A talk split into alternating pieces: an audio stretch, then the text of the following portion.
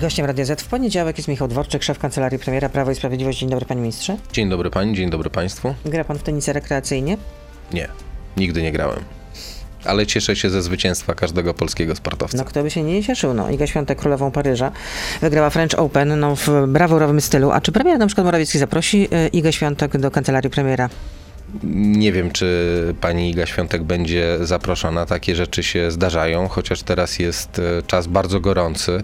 Z jednej strony wojna, z drugiej strony szereg wyzwań e, ekonomicznych, które stoją przed nami. W związku z tym nie wiem, czy e, dojdzie do takiego spotkania, ale na pewno pan premier jest pod wielkim wrażeniem. Pani Igi składał zresztą gratulacje.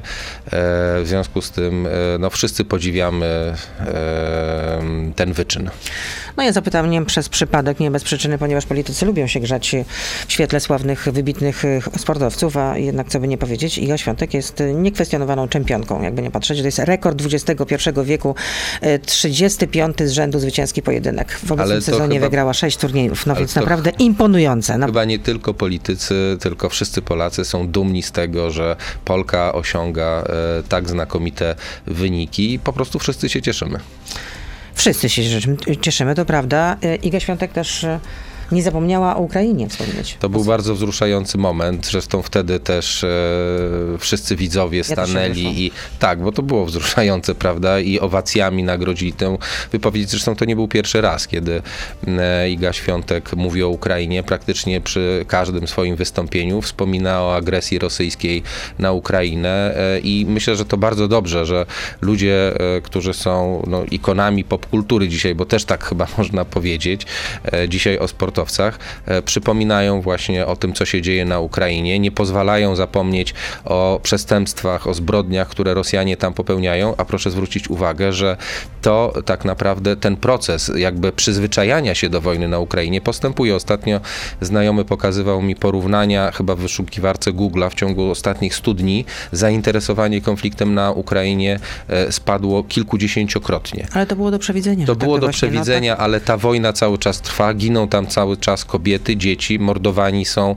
mieszkańcy Ukrainy i nie możemy o tym zapominać. I bardzo dobrze właśnie, że osoby rozpoznawalne, że osoby zna... dokładnie i, i pomagają pamiętać o, o, o, tym, bo to jest jedyna szansa, żeby wywrzeć odpowiednią presję na polityków, żeby Ukraina otrzymywała pomoc e, militarną i humanitarną. No, polska delegacja była w ubiegłym tygodniu, właściwie tam pół rządu nawet pojechało na konsultacje międzyrządowe. Więcej Rozmawialiście nawet więcej. O, Było kworum bardzo. Rady Ministrów, to były pierwsze konsultacje międzyresortowe, które pamiętam pamiętam, gdzie po obu stronach e, było kworum Rady Ministrów, czyli Rada Ministrów obradowała w składzie, który pozwala na podejmowanie wiążących decyzji. Obradowała na uchodźstwie. E, na uchodźstwie to nie, ale e, w stolicy państwa, w który, które toczy wojnę obronną. Zresztą Rada Ministrów Ukrainy przyjęła trzy dokumenty wtedy, więc to było prawdziwe posiedzenie połączonych rządów. Rozmawialiście z tamtejszymi władzami, muszą być bardzo zmęczeni tą wojną. Jak, jakie jest ich morale?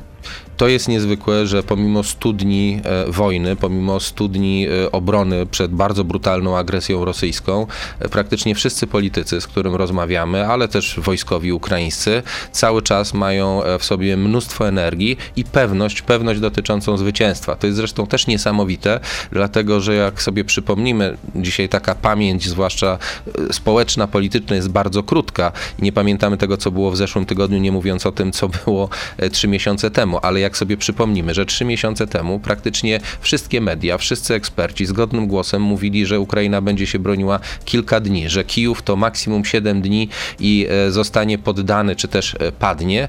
E, no a oni, do, znaczy po pierwsze kompletna, kompletnie błędna ocena sytuacji, a po drugie... Nie docenili Ukraińców. Tak, i to wie pani co, to jest kluczowe i przede wszystkim Rosjanie nie docenili Ukraińców. Ja będąc wcześniej nieco przed posiedzeniem Rady Ministrów na Ukrainie nie będąc e, pod Kijowem w Hostomelu, czyli tam na lotnisku, gdzie pierwszego dnia rozpoczął się też atak, widziałem zdjęcia, jak oddziały lądowe rosyjskie, które właśnie wchodziły od północy, prowadziły ze sobą więźniarki i oddziały rozgwardii, czyli nieregularne wojsko, tylko takie wojsko, które pomaga w okupowaniu terenu i ci rozgwardziści byli wyposażeni między innymi w pałki i w tarcze. I samochody typu więźniarki, tak jak nie wiem, na rozruby jakieś uliczne się jedzie, żeby opanować e, tłum, prawda? Czyli jakby jakby kompletnie zła interpretacja tego, co ich tam czeka. Myśleli, że to będzie spacerek, e, w którym bez problemu zostaną, będą zajmowane kolejne miasta, w tym Kijów, prawda, a e, ten niewielki procent awanturujących się zostanie, nie wiem, jak jacyś chuligani zgarnięci i e, Spacyfikowani. spacyfikowani właśnie, a tu okazało się, że Ukraińcy zaskoczyli nie tylko Rosjan, i, ale cały świat swoim męstwem i odwagą i też trzeba jedną rzecz powiedzieć. To jest niesamowite, dlatego że e, przecież w pierwszych tygodniach Ukraina naprawdę dramatycznie nie posiadała sprzętu. Duża część artylerii ciężkiej ukraińskiej milczała, bo nie było amunicji po prostu. W związku z tym naprawdę to męstwo Ukraińców i determinacja, żeby bronić swojej ojczyzny, e, pomogło przełamać ten pierwszy e, atak, no a dzisiaj pozwala dzielnie bronić się na wschodzie kraju, a nawet podejmować kontrofensywy na południu. Putin udzielił pierwszego wywiadu od momentu rozpętania e, wojny na Ukrainie i grozi, że rosyjska armia zaatakuje kolejne cele, jeśli Zachód nie przestanie wspierać broniących się Ukraińców. Jak to powiedział Putin, uderzymy tam, gdzie jeszcze nie uderzaliśmy. Co to może oznaczać? Putin i e, Rosja jest znana z terroryzowania i ze straszenia e, całego świata, czy też wszystkich krajów, które e, postępują nie po myśli tego agresywnego państwa. Ja nie chcę interpretować słów Putina, ponieważ takich gruźb w, różnego w różnej formie, niekoniecznie wypowiadanych przez samego Putina, ale czy to komentatorów Miedwiediew też rosyjskich, groził. Czy innych polityków rosyjskich było bardzo dużo. Użycie taktycznej broni nuklearnej, użycie broni chemicznej, mm, podejmowanie innych działań, no to wszystko są groźby, które padały. Oczywiście nie można ich lekceważyć, ponieważ Rosja jest państwem agresywnym i nieobliczalnym, ale też nie możemy dać się sparaliżować strachem. Musimy pomagać Ukrainie. Rosja, pamiętajmy, szanuje tylko język siły. Tylko wtedy, kiedy naprzeciwko mm, agresji rosyjskiej będzie twarda, konsekwentna postawa e, polityków e, Zachodu i państw Zachodu, możemy liczyć, że Rosja zostanie powstrzymana. Y, Jeśli chodzi o te konsultacje międzyrządowe, rozumiem, że będziemy partycypować w odbudowie Ukrainy. Na co liczymy? My dzisiaj przede wszystkim pomagamy Ukrainie w obronie kraju, bo musimy pamiętać o jednej kwestii, o czym część Ale rozumiem, że będziemy jednak komentatorów mieli największy wkład w tę E, odbudowę, tak? Część komentatorów o tym e, zapomina, że Ukraińcy broniąc swojego państwa, bronią również Polski, że każdy zniszczony czołg e, rosyjski na Ukrainie to jest potencjalnie jeden czołg mniej, który mógłby stanąć na granicy polsko-rosyjskiej czy polsko-ukraińskiej w sytuacji, gdyby Ukraina padła. Więc to nie jest tylko kwestia altruistycznego odruchu serca, chociaż oczywiście chcemy pomagać, jesteśmy empatyczni, chcemy pomagać sąsiadom, ale również e, Nie no, jeśli dobrze pojęty interes bezpieczeństwa. I teraz Jeśli jeśli, mówimy o odbudowie, no to też zyskają na, na tym nasze firmy. Przechodząc właśnie do odbudowy, myślę, że niestety jest jeszcze za wcześnie, żeby mówić o odbudowie, dlatego że nie wiadomo, jak ten kon- konflikt będzie się toczył, kiedy on się zakończy, kiedy odbudowa będzie możliwa. Natomiast em, był rzeczywiście nawet w porozumieniu podpisanym przez e, premierów e, w czasie naszej e, wizyty w Kijowie punkt e, czy zapis, który mówił, że Polska w sposób szczególny będzie angażowała się w odbudowę obwodu charkowskiego. Charków to drugie co do wielkości miasto na Ukrainie. To jest największy ośrodek akademicki, to jest e, lokalizacja przemysłu precyzyjnego, kosmicznego, zbrojeniowego. No, bardzo ciekawy region i tam na pewno e, Polska będzie się angażowała. Przy czym ja rozumiem tę odbudowę w przyszłości jako e, jakby korzyść dwóch stron. Z jednej strony korzyść Ukrainy, prawda, która otrzymuje wsparcie i pomoc w odbudowie, z drugiej strony korzyść, naturalna korzyść firm, które, w tym wypadku polskich firm, które angażują się e, w odbudowę infrastruktury, czy to e, inne wsparcie przy e, odbudowie, rewitalizacji danego regionu. Na chwilę jeszcze wrócę do nasze poletko. Kiedy Jarosław Kaczyński odejdzie z rządu? Pan premier Kaczyński zapowiadał, że nastąpi to wkrótce. Ja oczywiście nie znam dokładnie No po daty. sobotniej konwencji. Tak, Proszę? tak, tak słyszeliśmy, że po sobotniej konwencji. E, Na sobotniej kon- konwencji pan premier e, Kaczyński zapowiedział skupienie się na m, e, polityce e, wewnętrznej i e, zapowiadając ofensywę partii, zapowiedział również, że będzie e, prowadził tę ofensywę jako nasz lider, jako lider naszego obozu politycznego. Czyli odejdzie z tym, rządu, tak? Tylko kiedy? Wszystko wskazuje na to, że ten moment się zbliża. A powinien odejść z rządu? Ja uważam, że pan premier Kaczyński odegrał niezwykłą rolę, jeśli chodzi o ostatnie miesiące. Mówię o tej sferze Godził Morawieckiego z bezpieczeństwa. Ziobrą, tak? E, Między innymi e, jeśli chodzi o przygotowania do wojny, czy e, sytuację na granicy polsko-białoruskiej. Oczywiście jako lider naszego obozu politycznego też był bardzo zaangażowany w różnego rodzaju sytuacje wewnątrz naszego obozu politycznego. I tu Czyli łagodził spięcia. bardzo tak można powiedzieć, że pomagał łączyć czy znaleźć wspólny język różnym środowiskom, różnym środowiskom, które są w ramach jednego obozu politycznego. I oczywiście ja żałuję, ja żałuję, że konsekwencją odejścia pana prezesa z rządu, pana premiera Jaros Jarosława Kaczyńskiego z rządu, no, będzie tutaj pewien brak w tym obszarze, ale wierzę, że jako obóz Zjednoczonej Prawicy poradzimy sobie mm, również z jakimiś naszymi wewnętrznymi różnicami, co jest naturalne w każdej koalicji, bo Zjednoczona Prawica jest koalicją, która miewa wewnętrzne również różnice Turbulencje, no czy ona jest zjednoczona, to można jednak polemizować. A czy sobotnia konwencja PiS była udana, ale na to pytanie już e, poszukam odpowiedzi w części internetowej. Jesteśmy na Facebooku, na Radio ZPL, na YouTube, więc proszę zostać z nami. Beata Lubecka, zapraszam. To jest gość Radia Z. Gościem Radia Z jest dzisiaj Michał Dworczyk, szef Kancelarii Premiera Prawo i Sprawiedliwość. No właśnie, powracam do tego pytania. Czy sobotnia konwencja PiS była udana? W moim odczuciu absolutnie tak. No, był to mm, pewien ważny kamień milowy, który... Nomen omen. Nomen omen. Ostatnio bardzo KPO. popularny właśnie. No to wy chyba ukuliście takie bardzo, stwierdzenie, kamień milowy. Nie, chyba to, to, to stwierdzenie funkcjonuje nie tylko w Polsce, ale y, wracając do naszej konwencji, był to e, ważny e, moment w życiu partii, dlatego że mm, premier Kaczyński podsumował ostatnie kilka lat e, funkcjonowania, w tym tę kadencję, w która trwa rządów Zjednoczonej Prawicy mm, i ogłosił mobilizację oraz fakt, że mm, politycy, czy plan wyruszenia w Polskę przez kluczowych polityków Prawa i Sprawiedliwości. W tym Michała Dworczyka. Nie, ja akurat nie, nie, nie będę, nie, nie, nie sądzę, żebym jeździł po Polsce. Ja skupiam skupiam się na swoim regionie, na Dolnym Śląsku, a przede wszystkim na pracy w Kancelarii no to, Prezesa Rady Ministrów. No to na Dolnym Śląsku na, pewnie, na pewno też pan się pojawi. To znaczy będziecie na agitować Śląsku, na plaży la, latem, tak? Na Dolnym Śląsku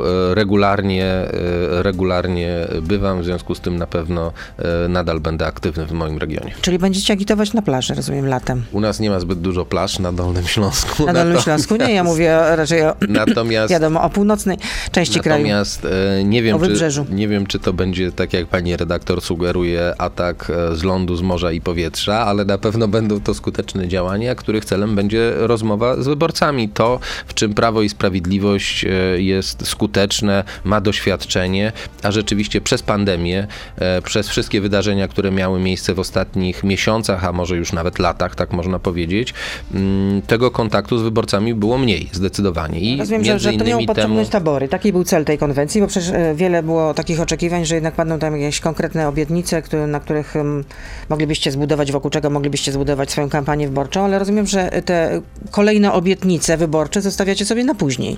My przede wszystkim chcemy w tej chwili y, osobiście zdiagnozować sytuację w terenie, można tak powiedzieć. No wiadomo, na inflację Rozmawiać drożyzna. z Polakami na temat ich e, percepcji obecnej sytuacji, na temat 8 na e, potrzeb, na temat tego wszystkiego, co uważają Polacy dzisiaj o sytuacji. Ma pani rację, mamy problem z inflacją, I mamy problem e, z drożyzną. Natomiast proszę zwrócić uwagę, e, jak wygląda dzisiaj sytuacja e, gospodarcza nie tylko Polski i Europy, ale całego świata, gdzie inflacja jest rozpędzona i jest problemem ale dla całego ją było świata. jednak nieco wygasić w ubiegłym roku. Ale dlaczego Wielu tak ekspertów tak, tak mówi. No Tylko tak, no, pani, pod koniec roku miała już ci 9%. Eksperci, ci eksperci jednym tchem mówią, że wcześniej można było podwyższać stopy procentowe, prawda? I dzięki temu rzekomo inflacja byłaby niższa. I e, zapada cisza, kiedy się pytamy, a co z Czechami, którzy podnieśli wcześniej mm, stopy procentowe, a dzisiaj inflację mają wyższą. Więc wie pani, to naprawdę takie hasła yy, moim zdaniem nie prowadzą do niczego. Rzucanie takich haseł nie prowadzi do niczego. Yy, jeśli ktoś poważnie chce rozmawiać, a myślę, że najlepiej, aby robili to ekonomiści, to warto taki dialog podejmować. Natomiast rzucanie takich haseł w moim przekonaniu donikąd e, nie prowadzi. No można było jednak odnieść wrażenie, że to była jednak trochę propaganda sukcesu. Trochę to za mało powiedziano. No pan Ale... wspomniał tutaj o pandemii, a przecież jeśli chodzi o, o to, jak poradziliśmy sobie z pandemią, no prezes przekonywał, że fantastycznie, dlatego że nie, ludzie nie umierali na, nie, że ludzie nie umierali nie. na, na ulicach. No bardzo dobrze, że nie umierali. Nie, bardzo proszę być a precyzyjnym. Przecież... Prezes nie powiedział, że fantastycznie sobie podzie- Powiedział, że poradziliśmy sobie tak. bardzo dobrze. Opanowaliśmy sytuację. A to, dokła- a to jest jednak zasadnicza różnica. Ale między mamy, świetnie ale sobie zna pan, poradziliśmy panie i jesteśmy że mamy ponad 100 fantastyczni. tysięcy, mieliśmy ponad 100 tysięcy Oczywiście, i to jest wielki problem. Jeden z najgorszych trzeba- dostępów do służby trzeba, zdrowia. Nie, pani redaktor, takie rzeczy też trzeba analizować i wyciągać wnioski, natomiast trzeba sobie jasno powiedzieć, udało się tę sytuację opanować na tyle, że ludzie nie umierali na ulicach. Jeśli ktoś Ale tak umierali w twierdzi, to znaczy kłamie. Natomiast e, nikt nie mówił, że wszystko było doskonale, że e, nie było żadnych problemów, bo pandemia była dramatycznym i traumatycznym doświadczeniem dla niemal wszystkich Polaków.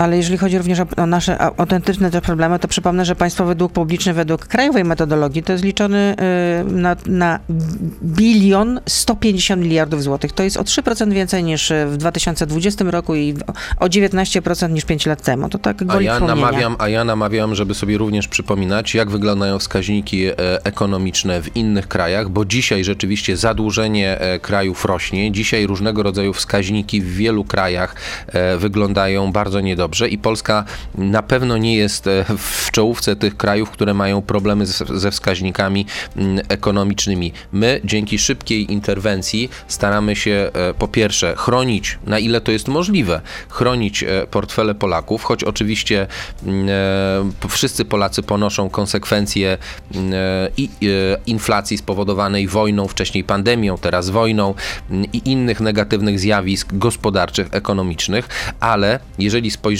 na państwa regionów, w których nie wprowadzano tarcz antyinflacyjnych, nie podejmowano innych działań, które miały mm, niwelować przynajmniej część Ale konsekwencji tej sytuacji tym, co- co gospodarczej. no tak, ale właśnie Tak, skupiamy no się i skupmy się. bądźmy uczciwi. I jeżeli mówimy, że są problemy z inflacją, są problemy z drożyzną, to jest prawda, ale jeśli chcemy przedstawić uczciwie obraz sytuacji, to trzeba powiedzieć tak, gdyby nie działania zaradcze wprowadzone przez rząd, tak jak tarcze antyinflacyjne, jak inne działania, które były podjęte, a teraz zgodnie z zapowiedziami prezesa Kaczyńskiego i premiera Morawieckiego będą wydłużone te programy, to gdyby nie podjęcie tych programów, inflacja byłaby jeszcze wyższa, a drożyzna jeszcze większa. Do kiedy będą I wydłużone warto te- te o tym programy? mówić. Do końca na roku, pewno tak? będziemy, na pewno będziemy o tym informować.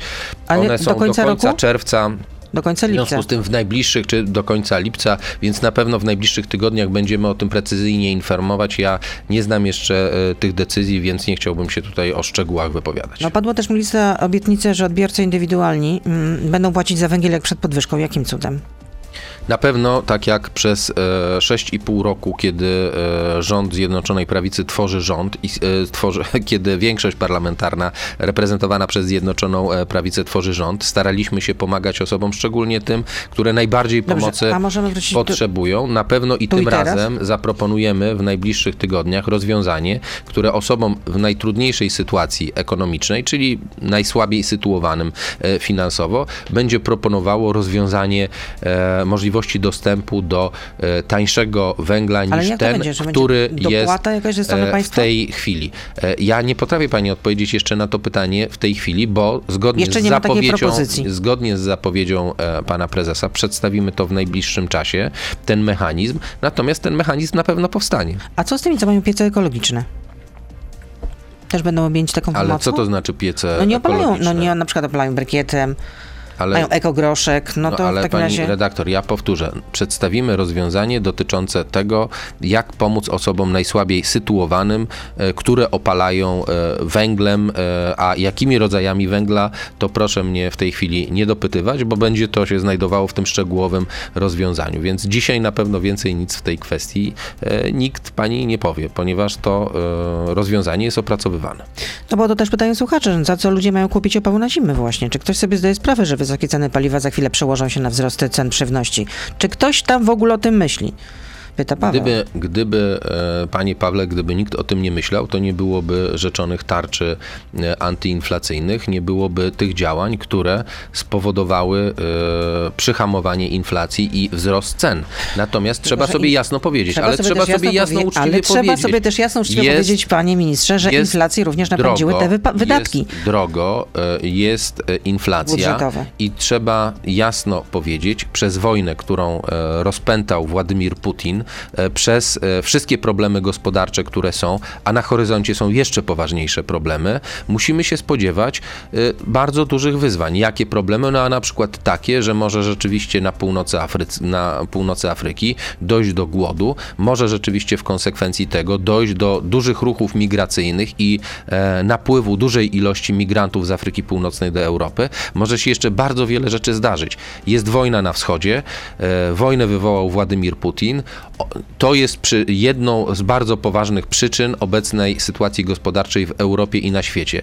I jeżeli ktoś mówi, że jest cudowna recepta na to, jak uniknąć tych wszystkich negatywnych zjawisk, tych, o których dzisiaj rozmawiamy, to po prostu kłamie albo nie ma pojęcia, o czym mówi.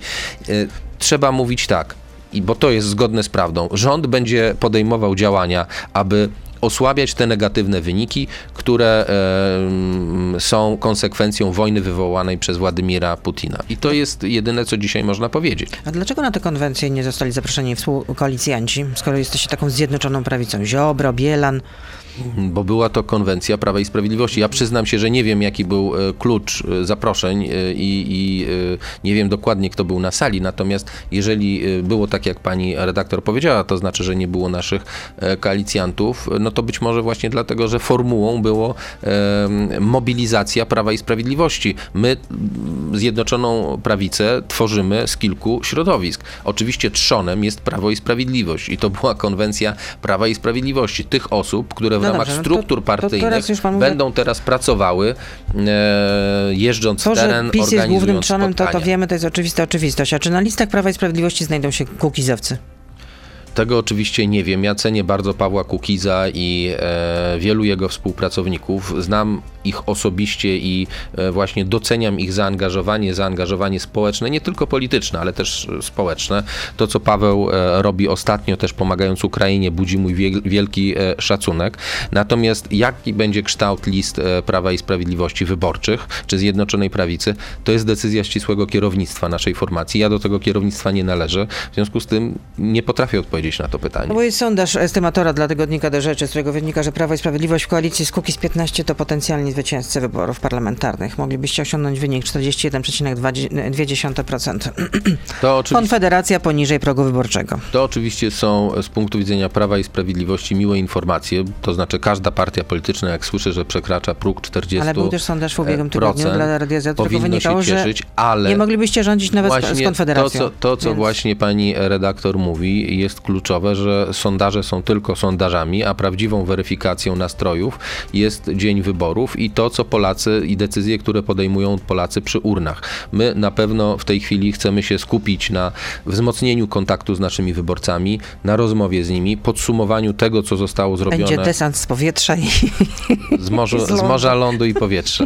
Natomiast, e, nie mówiąc zupełnie serio, musimy podsumować pewien etap i zebrać e, informacje, które pozwolą nam sformułować program na przyszłoroczną kampanię wyborczą. Zresztą w przyszłym roku zaczyna się cały maraton wyborczy, dlatego że poza wyborami są parlamentarnymi też zbliżają samorządowe, się które myślicie, żeby samorządowe przełożyć je na rok 2024. europejskie. Myślimy o takim rozwiązaniu, które byłoby zgodne z polską konstytucją, zgodne I z korzystne przepisami. dla Prawa i Sprawiedliwości. wie pani, korzystne przede wszystkim dla Polaków, po to, żeby e, w czasie wyborów, które miałyby na siebie nachodzić, nakładać się, no, nie było jakiegoś chaosu informacyjnego, bo wtedy dopiero pojawiłyby się zarzuty, że Prawo i Sprawiedliwość robi coś nietransparentnie albo ma złe intencje, Ale organizując Skoro to wynika z kalendarza wybory. wyborczego, no to nie- generalnie dlaczego Pani redaktor, miałyby zostać zarzuty sformułowane nie pod takie, adresem Prawa i nie Sprawiedliwości? takie zarzuty y, słyszeliśmy pod naszym adresem absurdalne, w związku z tym trzeba myśleć o wszystkim, ale podkreślam, przede wszystkim w ramach obowiązujących przepisów prawnych, w ramach konstytucji. A czy Małgorzata Manowska, y, pierwsza sędzia Sądu Najwyższego, doradzała w przeszłości premierowi Morawieckiemu, czy też y, nadal doradza w sprawach sądownictwa? Nie mam takiej wiedzy. Mm, A jadała kolację z panem premierem? Nie mam takiej wiedzy. No, poufna rozmowa. Na stronie poufnej rozmowy ukazały się screeny wiadomości, e, które szef rządu miał wysłać między innymi do pana, ale także do wiceministra Jabłońskiego, e, wiceszefa MSZ-u. No i tam prosił, żeby przygotować takie komunikaty przekonujące zwykłego Ko- Kowalskiego, że rząd oczywiście ma intensywnie walczyć z chaosem i anarchią w sądach. Odnosi się pani redaktor do rosyjskiej propagandy.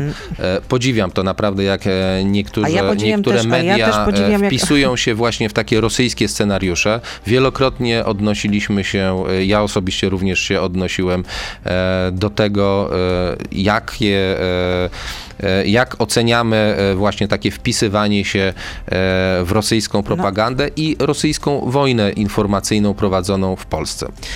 Nic więcej e, ponadto, Ale co do kiedy tej pory mówiliśmy. urzędu ujrza- ujrzały na przykład y, stenogramy z nielegalnych podsłuchów, y, rozmów polityków y, Platformy Obywatelskiej w pewnej znanej wówczas restauracji, to było kilka lat wstecz, no to cy- cytowaliście to na wyprzódki, mimo że to były nielegalne podsłuchy. Państwo, państwo bardzo lubicie powoływać A się wtedy na Donald Tusk też mówił, że to- ja rozumiem, że Że to jest scenariusz pisany cyrylicą. Różnica jest taka, że tutaj e, amerykańskie mm, e, firmy, najpoważniejsze firmy zajmujące się e, cyberbezpieczeństwem mówią, że to, co się zdarzyło, mówię o ataku hakerskim, jest wynikiem działalności rosyjskich służb specjalnych, a nie żaden z polskich polityków. Więc jeżeli pani naprawdę porównuje tę sytuację, no to jest pani e, wola i prawo, bo żyjemy w wolnym kraju, natomiast proszę mnie e, nie e, jakby Ale nigdy takich nie konsultacji nie było to. między panem premierem a panem... Ja już odpowiedziałem pani na to pytanie, także możemy jeszcze trzy razy je powtórzyć, ja to samo będę odpowiadał. No, sprytne z pana strony. Piotr pyta, mam 40 lat, zaszczepiłem, zaszczepiłem się trzema dawkami. Jak wiadomo, skuteczność szczepienia spada po około 8 miesiącach. Kiedy będę się mógł zaszczepić czwartą dawką i jak i czy w ogóle?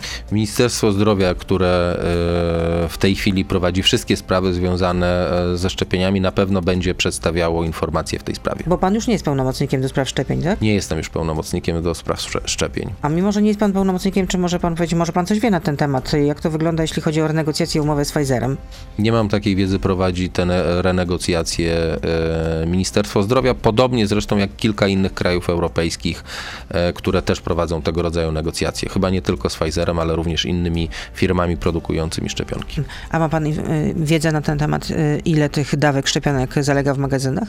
W tej chwili y, nie wiem, jeszcze kilka miesięcy temu, dwa miesiące temu, e, szczepionki, te, które były nadmiarowe, e, były przekazywane bądź sprzedawane e, do innych krajów, co było utrudnione przez działania koncernów farmaceutycznych, producentów e, tych szczepionek, które robiły wszystko, aby do takiej odsprzedaży nie doprowadzić. Czyli jak już pan przestał być pełnomocnikiem do spraw Narodowego Programu Szczepień, to już pan w ogóle się tym nie zajmuje, Nie, rozumiem, no, nie tak? zajmuję się, bo mam inne zadania e, w kancelarii. Zresztą też, żeby być precyzyjnym, głównym moim zadaniem było stworzenie systemu, który pozwoli na prostą rejestrację i proste otrzymanie e, szczepienia. Natomiast e, nie zajmowałem się, nie wypełniałem roli Ministerstwa Zdrowia. Tego rodzaju supozycje no, byłyby niezasadne. E, KPO, jednym z warunków uruchomienia środków e, właśnie na ten polski kraj, e, krajowy plan odbudowy jest ozusowanie umów zlecenia. Od kiedy takie ozusowanie umów zleceń miałoby nastąpić? E, Po pierwsze, trzeba powiedzieć, że KPO to jest dla nas naprawdę wielka e, szansa. E, Tak jak kiedyś był plan Marszala, którego zostaliśmy pozbawieni przez komunistów, tak KPO dzisiaj ma szansę pomóc nam w rozwoju, tak żebyśmy gonili, jeśli chodzi o standard życia, takie kraje jak Niemcy, Francja czy Dobrze. Wielka Brytania. No to powtarzacie za każdym razem. Natomiast, no generalnie. ale to jest prawda. To są fakty i o faktach warto No, mówić. no Natomiast dobrze, jeśli na pani mówi o kamielach, słyszymy, jeżeli pani mówi o kamieniach milowych, to one będą realizowane No bo okazało się, że jest ich dużo, dużo więcej. Nie zapisami, chodzi tylko ale o system e, jedno, sądownictwa. Ale jedno jest, proszę, no tak, tych e, No, kamieni no. milowych jest e, No rzeczywiście dużo jest, więcej niż... To e, akurat jest również bardzo ważne z punktu widzenia osoby, która pracuje. Tak, ale chciałem uspokoić, że na pewno na przykład umowy o dzieło na pewno nie będą e, oskładkowane. Tu się nic nie zmieni. Jeżeli mówimy o mm, jakichś działaniach e, w obszarze oskładkowania umów, to chodzi o umowy śmieciowe, to znaczy doprowadzenie do sytuacji takiej, w której silniejsza pozycja pracodawcy nie byłaby wykorzystywana, aby mm, źle traktować pracownika. W związku z tym tutaj na pewno nie ma mowy o oskładkowywaniu e, umów e, o dzieło. Czyli umowy o dzieło nie będą ozusowane, tak? Ale od kiedy to wejdzie w życie? Bo zgodnie z, z tymi założeniami, chyba w ramach KPO, no to miałoby to nastąpić od 1 stycznia 2023 roku, tak? Ja przyznam się, że nie znam wszystkich zapisów, bo tak jak pani powiedziała, jest ponad 200, o ile pamiętam, kamieni milowych, czy tych e, punktów, które będziemy realizować. Nie potrafię dzisiaj pani odpowiedzieć, e, kiedy który z nich będzie realizowany. Wiemy o tych pierwszych, prawda, czyli związanych e, z systemem sądownictwa. Natomiast tutaj e, są na pewno bardziej kompetentne osoby, które o wszystkich kamieniach milowych mogą opowiadać. Na przykład Waldemar Buda, minister rozwoju. Rafał pyta, dlaczego kwestia podatków dla właścicieli aut spalinowych była ukrywana przed opinią publiczną?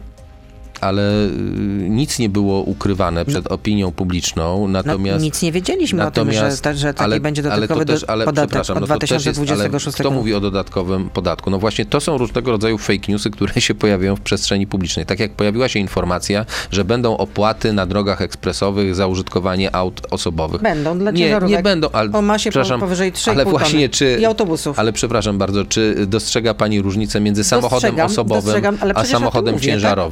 A jeśli chodzi, w związku z tym nie, nie, została rozpętana panika, że Polacy będą płacić za drogi. Ja przypomnę, że przez 6,5 d- e, roku, kiedy rządzi Zjednoczona Prawica, nie wprowadzono żadnych opłat e, na drogach ekspresowych czy autostrad e, dla samochodów osobowych i nie ma dalej takich planów. Natomiast drogi ekspresowe i drogi i autostrady są pewne opłaty dla samochodów ciężarowych. Jak są oddawane kolejne części, odcinki dróg tego rodzaju do użytku, to one również nimi będą objęte. Natomiast wracając do pani pytania, bo zaczęła pani o, od pytania o.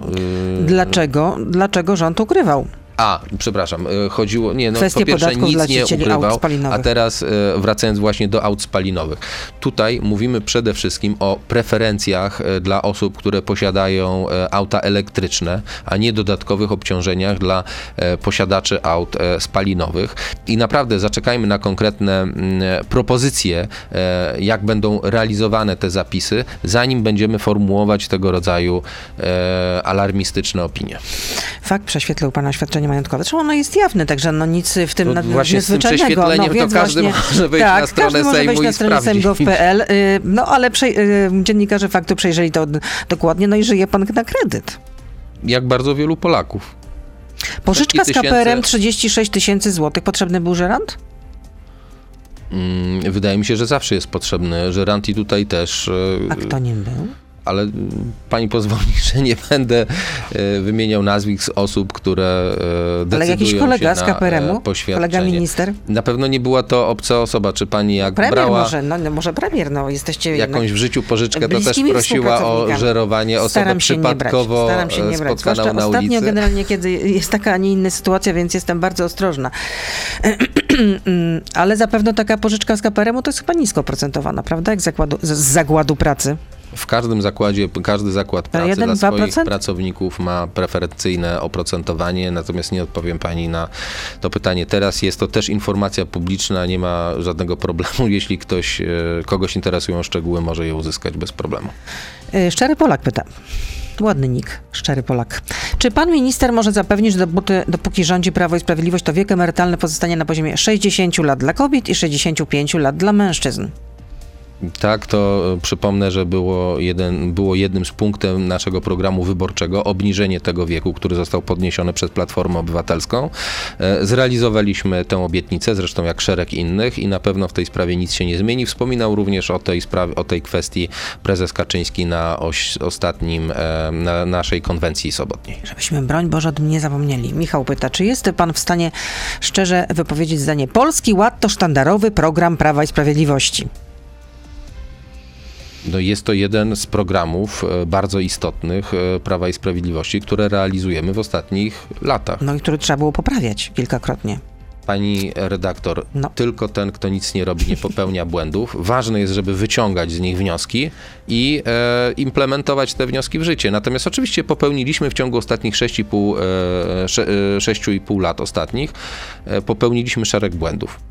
Tak jak powiedziałem, część na szczęście udało się naprawić, z części wyciągnąć e, wnioski. O, Mam to nadzieję, jest- że z to absolutnej widzę, że jest kampania w większości. pełni, skoro y, czołowi politycy Prawa i Sprawiedliwości zaczynają się bić w piersi, że jednak jakieś Nie, błędy były. Ale, pani, ale właśnie pani redaktor, problem polega na tym, że to nas różni od e, polityków Platformy Obywatelskiej, którzy twierdzą, że nie popełniali nigdy żadnych błędów, że było wszystko super świetne, że my potrafimy się do tego przyznać, jeżeli coś się e, nie do końca udało albo zostało całkowicie e, spartolone. O, bo i takie sytuacje A co w życiu się całkowicie spartolone e, przez Prawo i zdarzają. Sprawiedliwość? Może całkowicie to nic, ale udało, nie udały nam się różne No Mieszkanie e, Plus nasze, się kompletnie nie udało. To można powiedzieć, że jest projekty. spartolone, cytując no, pana. Może nie, dlatego że przypomnę, No. pani, e, przypomnę pani, że w ostatnim roku, w 2021 roku, mieliśmy największy od kilkudziesięciu e, lat, e, największą od kilkudziesięciu lat liczbę przekaz oddawanych mieszkań do użytku. To było wynikiem również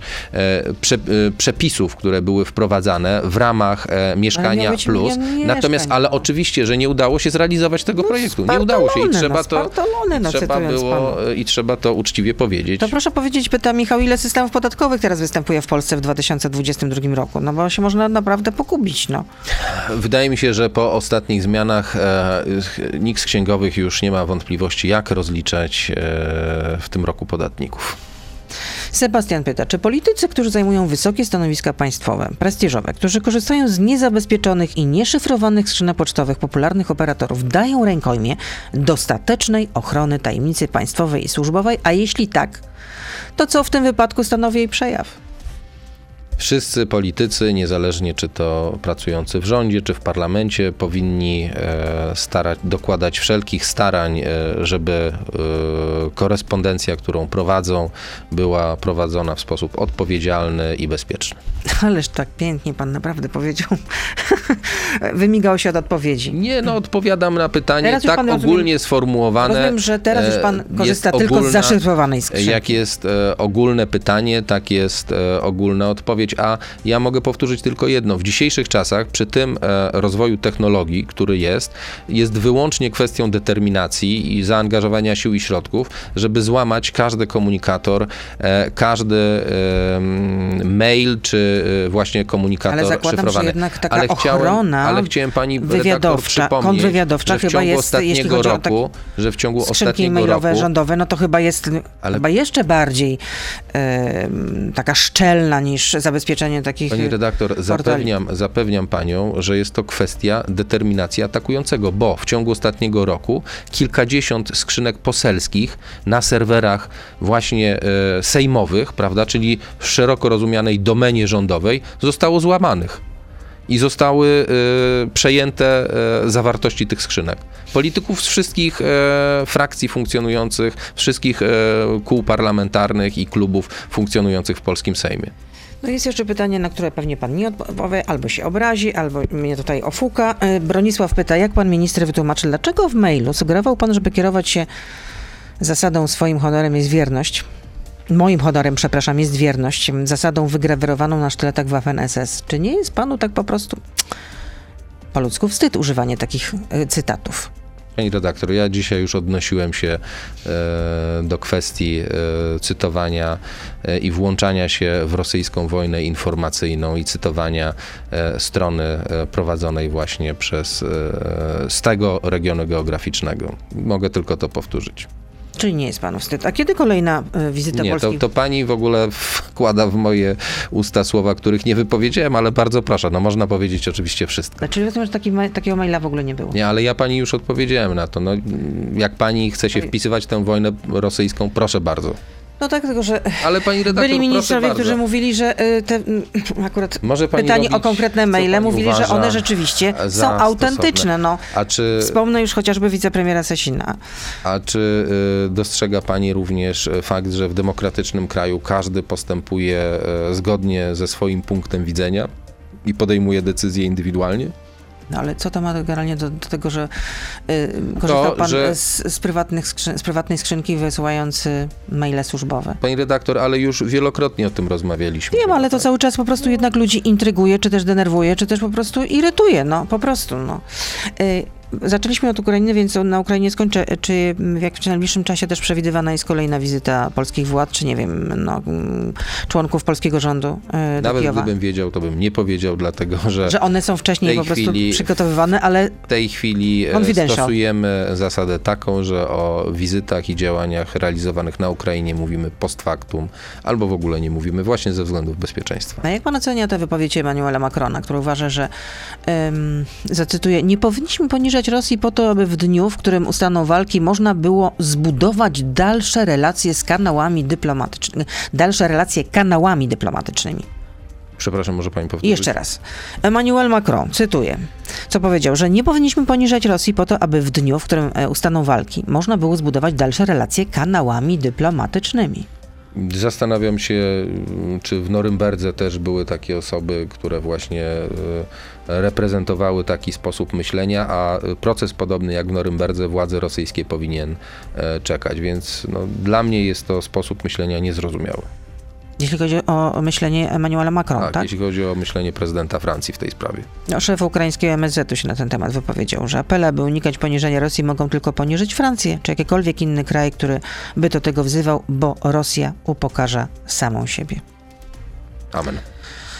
Dziękuję bardzo. Michał Dworczyk, Dziękuję. szef Kancelarii Premiera Sprawa i Sprawiedliwości był z nami. Dobrego dnia życzę. To był gość Radia Z. Słuchaj codziennie w Radio Z i na player radioz.pl.